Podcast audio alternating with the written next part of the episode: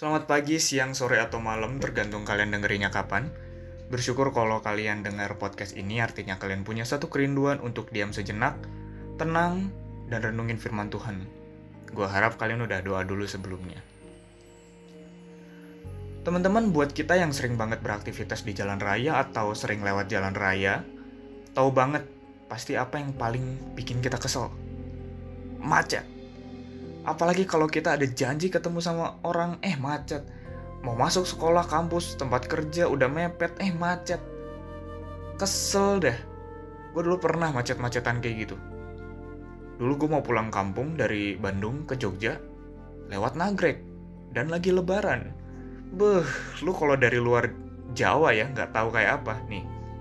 Dari Jawa Barat ke Jawa Tengah atau Jawa Timur, dan lu lewat Nagrek, hmm, macetnya boy. Apalagi lagi lebaran. Nah, gila dah itu. Gue pergi ke Jawa Tengah waktu lebaran. Itu antara pasti dan nggak pasti. Pasti karena bakal ada macet, bakal ada rame kendaraannya, bakal kesel kali di jalan capek. Tapi nggak pasti juga gitu, karena sampainya jam berapa, gue nggak tahu. Terus makanan di jalan gimana, gue ke toilet kayak apa. Pokoknya kondisi gitu tuh, wah, nggak enak banget. Tapi meski gitu, gue tahu nih gue bakal nikmatin Jogja. Setelah berlelah-lelah capek gitu, gue akhirnya bisa menikmati indahnya Jogja. Gitu. Nah, kadang gitu ya, kalau kita ada hal yang indah, mau rintangannya kayak gimana pun ya kita hadapin. Karena kita tahu endingnya worth it gitu. Sering kita kayak gitu, bener nggak? Ke rumah pacar, mau hujan gue hajar. Mau ikut konser, mau macet gue lawan. Liburan mau macet berjam-jam, nggak peduli. Main game dapat treasure atau item yang bagus. Mau musuh gimana juga gue hajar. Mau tantangannya gimana juga gue lawan. Karena endingnya kita bisa menikmati, kita tahu gitu. Tapi nggak selamanya semua rintangan itu bisa dihadapi dengan mudah kayak tadi. Bisa aja rintangannya itu susah banget, bahkan hampir mustahil dan bikin kita nyerah duluan sebelum bergerak. Contohnya kayak apa yang akan dihadapin bangsa Israel. Kita akan baca dari Yosua 1 ayat yang kelima. Teman-teman nanti bisa baca Yosua 1 ayat 1 sampai 18 untuk lebih jelasnya ya. Seorang pun tidak akan bertahan menghadapi engkau seumur hidupmu. Seperti aku menyertai Musa, demikianlah aku, Tuhan, akan menyertai engkau, Yosua. Aku tidak akan membiarkan engkau dan tidak akan meninggalkan engkau. Teman-teman, ini adalah awal dari perjalanan bangsa Israel di bawah kepemimpinan Yosua. Waktu itu Tuhan memerintahkan untuk bangsa Israel menaklukkan tanah perjanjian atau Kanaan. Tanah Kanaan ini berlimpah susu dan madunya. Berarti dia makmur banget. Tanah subur dan secara geografis emang subur gitu kalau lu lihat. Tapi menaklukkan tanah itu ada rintangannya. Apa itu? Bangsa-bangsa sekitar yang mendiami tanah itu. Apakah itu mudah? Oh jelas tidak. Lu nggak tahu kan bangsa-bangsa yang mendiami tanah kanan itu kayak apa? Ngeri coy. Lihat Amalek kalau lu baca Yosua selanjutnya. Amalek, Ai, Gibeon, gimana bengisnya mereka, cara strategi mereka, liciknya mereka, jago berperang, tembok Yeriko yang kokoh. Buh, Israel apaan? Cuman bangsa yang sebelumnya jadi budak. Pengalaman perang beda jauh. Lu sama aja kayak dikasih hadiah villa mewah gitu beserta kekayaannya. Tapi lu harus hadapin mafia-mafia yang ada di dalam itu yang ngejagain itu. Yang pasti udah jago bela diri dan punya banyak senjata gitu. Ini gambling. Antara lu hidup atau enggak lu hancur dah di sana gitu. Mereka ada dalam kondisi yang pasti dan nggak pasti. Pasti karena mereka akan hadapin kondisi itu. Mereka sedang menuju tempat itu dan pasti susah. Tapi nggak pasti karena mereka nggak tahu kapan mereka akan hidup. Apakah akan terus bertahan atau enggak. Iya, kanaan enak Rin tapi rintangannya itu taruhannya kematian coy bikin mikir dua kali nyerah duluan atau udahlah udah lupain aja dah udahlah Tuhan nggak usah mereka hadapin kondisi yang mereka sendiri sama sekali nggak bisa kontrol bahkan sama aja nggak bisa handle mereka Mereka sama kayak semut kecil yang menghadapi badai yang besar sendirian. Hidup dalam momen yang gak pasti itu gak enak. Antara pasti dan gak pasti kayak tadi ya. Seringkali kita sendiri ya dihadapkan dengan semua hal yang kayak gitu. Kondisi yang pasti akan kita hadapin, pasti susah, tapi kita sendiri nggak pasti untuk bisa bertahan atau enggak gitu. Kita nggak tahu kapan selesainya atau gimana ke depannya. We have no control. Soal COVID deh, kita nggak tahu sampai kapan. Nggak tahu bakal gimana. Mungkin kondisi-kondisi lain nih sama. Nggak tahu besok makan apa. Mungkin beberapa dari kita sakit yang nggak kunjung sembuh. Susahnya cari kerjaan, susahnya ngatur waktu saat teduh sama baca Alkitab, susahnya cari jodoh karena udah bosan ditanyain kapan nikah waktu ketemu teman-teman atau saudara. Banyak lah pokoknya. Rasanya tiap hari kita diperhadapkan dengan sesuatu yang kita sendiri nggak bisa kontrol. Kita kayak semut kecil yang lagi menghadapi badai raksasa sendirian. Mungkin beberapa rintangan itu kita tahu endingnya bakal enak gitu. Tapi rintangannya itu loh. Atau mungkin beberapa dari kita juga nggak tahu endingnya bakal gimana. Tapi malah bikin tambah capek gitu hadapin semua itu. Lama-lama semua rintangan itu bikin kita ragu untuk melangkah sampai akhirnya menutupi dia yang sebenarnya hadir di tengah-tengah itu. Kita nggak bisa rasain kehadiran Tuhan karena terlalu fokus sama rintangan yang susah gitu. Presence-nya Tuhan seakan ditutupin sama semua rasa takut kita. Semua rasa khawatir, cemas, insecure, lonely, dan sebagainya. Akhirnya nggak jarang, kita marah-marah, emosi sendiri, dan menilai Tuhan diam dan gak peduli sama kita. Tapi teman-teman, pertanyaannya, Tuhan yang diem atau kita yang diemin Tuhan? Jangan-jangan selama ini kita yang mungkin berjalan terlalu cepat dalam rintangan itu, atau sibuk dengan rintangan kita masing-masing. Apakah Tuhan gak mau tahu dengan rintangan kita? Jelas mau. Dia tahu bangsa Israel akan hadapin banyak hal yang pasti dan gak pasti waktu itu. Tapi Tuhan gak tinggal diam. Tuhan berjanji sama bangsa Israel, I will be with you.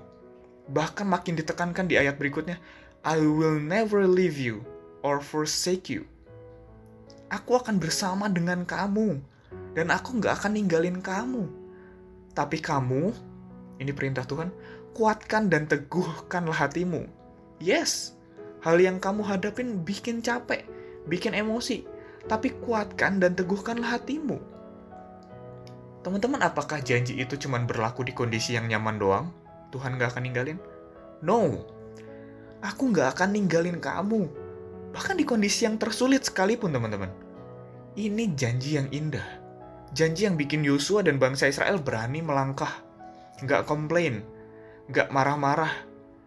Janji yang bikin bangsa Israel dapat keamanan tertinggi, yaitu berada di dalam dia. Yaitu kasih dan keselamatannya. Yosua sebagai pemimpin juga akhirnya punya kekuatan untuk hadapin itu.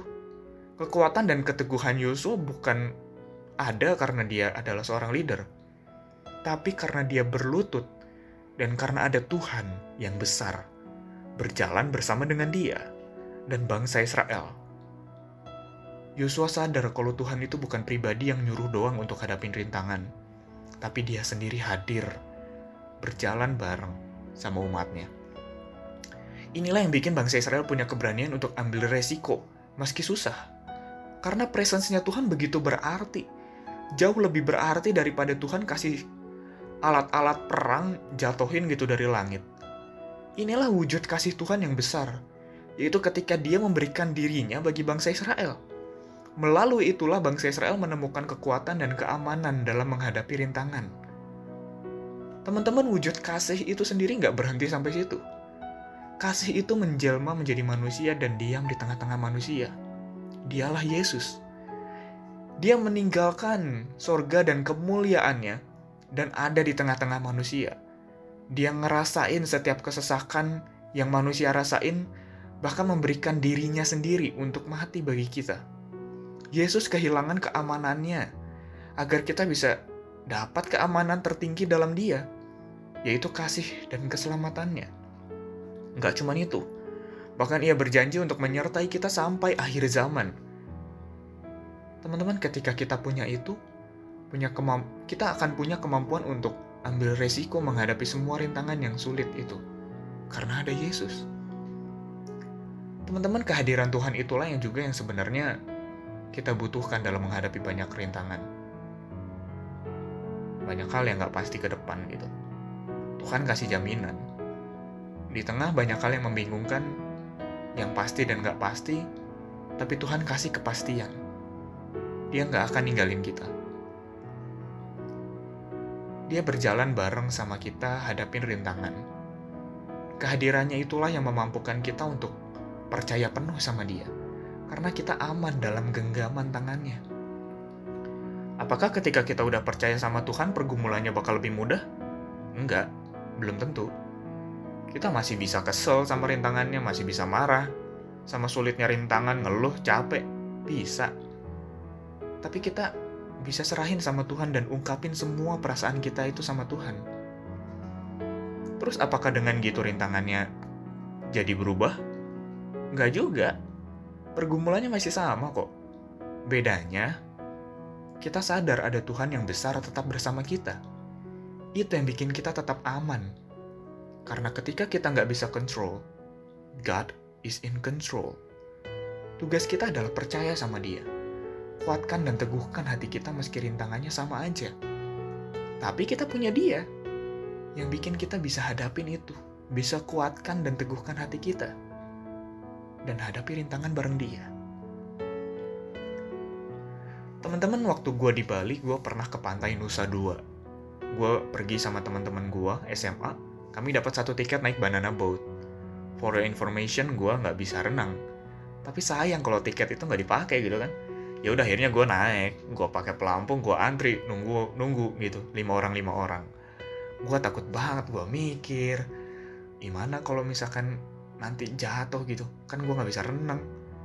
Kan ya banana boat juga kan dijatuhin gitu di dekat pantai dan kita renang sendiri ke pantainya gitu.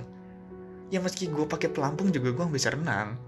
Gue ngomong sama temen gue Robi kalau gue jatuh nanti tolongin gue ya gue nggak bisa renang si Robi ini akhirnya ya udah oke oke aja gitu.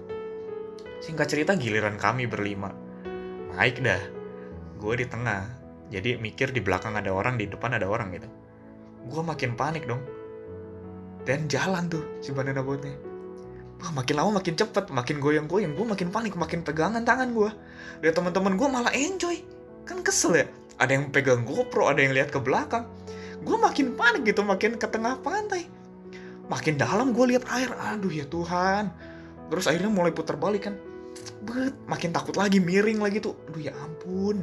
Lihat air makin dalam. Ya meski gue pakai pelampung gue renang gimana? Sampai akhirnya si banana boatnya kan emang sengaja akan dijatuhkan di dekat pantai. Pure gue makin panik. Bus gue jatuh ke bawah. Ya beruntung karena ada pelampung gue bisa ngambang ya. Gue ngambang gue bersihin air di muka gue gue cepet-cepet cari Robi. Robi mana? Robi mana? Uh, uh, eh, gue di sini dia bilang. Robi gue bilang. Yang yang gak gitu juga sih tapi tapi gue panik gitu. Gue pegangan sama dia sampai ke darat dengan baik gitu. Dia juga nggak lepasin pegangan dia dari gue dan dia renang. Tapi dengan gitu gue gue sampai ke daratan dengan aman nggak ada luka karena gue pegangan tangan dia dan dia pegangin gue gue aman karena dia bisa renang dan take control gitu. Teman-teman kalau Robby aja bisa berbuat gitu, temenin gue waktu gue lose control, apalagi Tuhan. Dia nggak akan ninggalin kita si semut-semut kecil ini yang ada di tengah badai itu gitu aja gitu. Justru dia berjalan bareng kita, menghadapi badai itu, memegang tangan kita dan berkata, "Tenanglah anakku, aku di sini bersamamu. Ayo, kita hadapin badai ini bersama. Teman-teman, kalau udah kayak gitu, apa sih yang bikin kita ragu buat percaya sama Tuhan? Mau nggak kita percaya sama Tuhan? Kalau kita mau, Roh Kudus akan menolong dan memampukan kita percaya sama Tuhan dalam badai yang paling menakutkan sekalipun. Selamat bertumbuh ke arah Kristus dan hidup untuk rancangannya. Jesus loves you.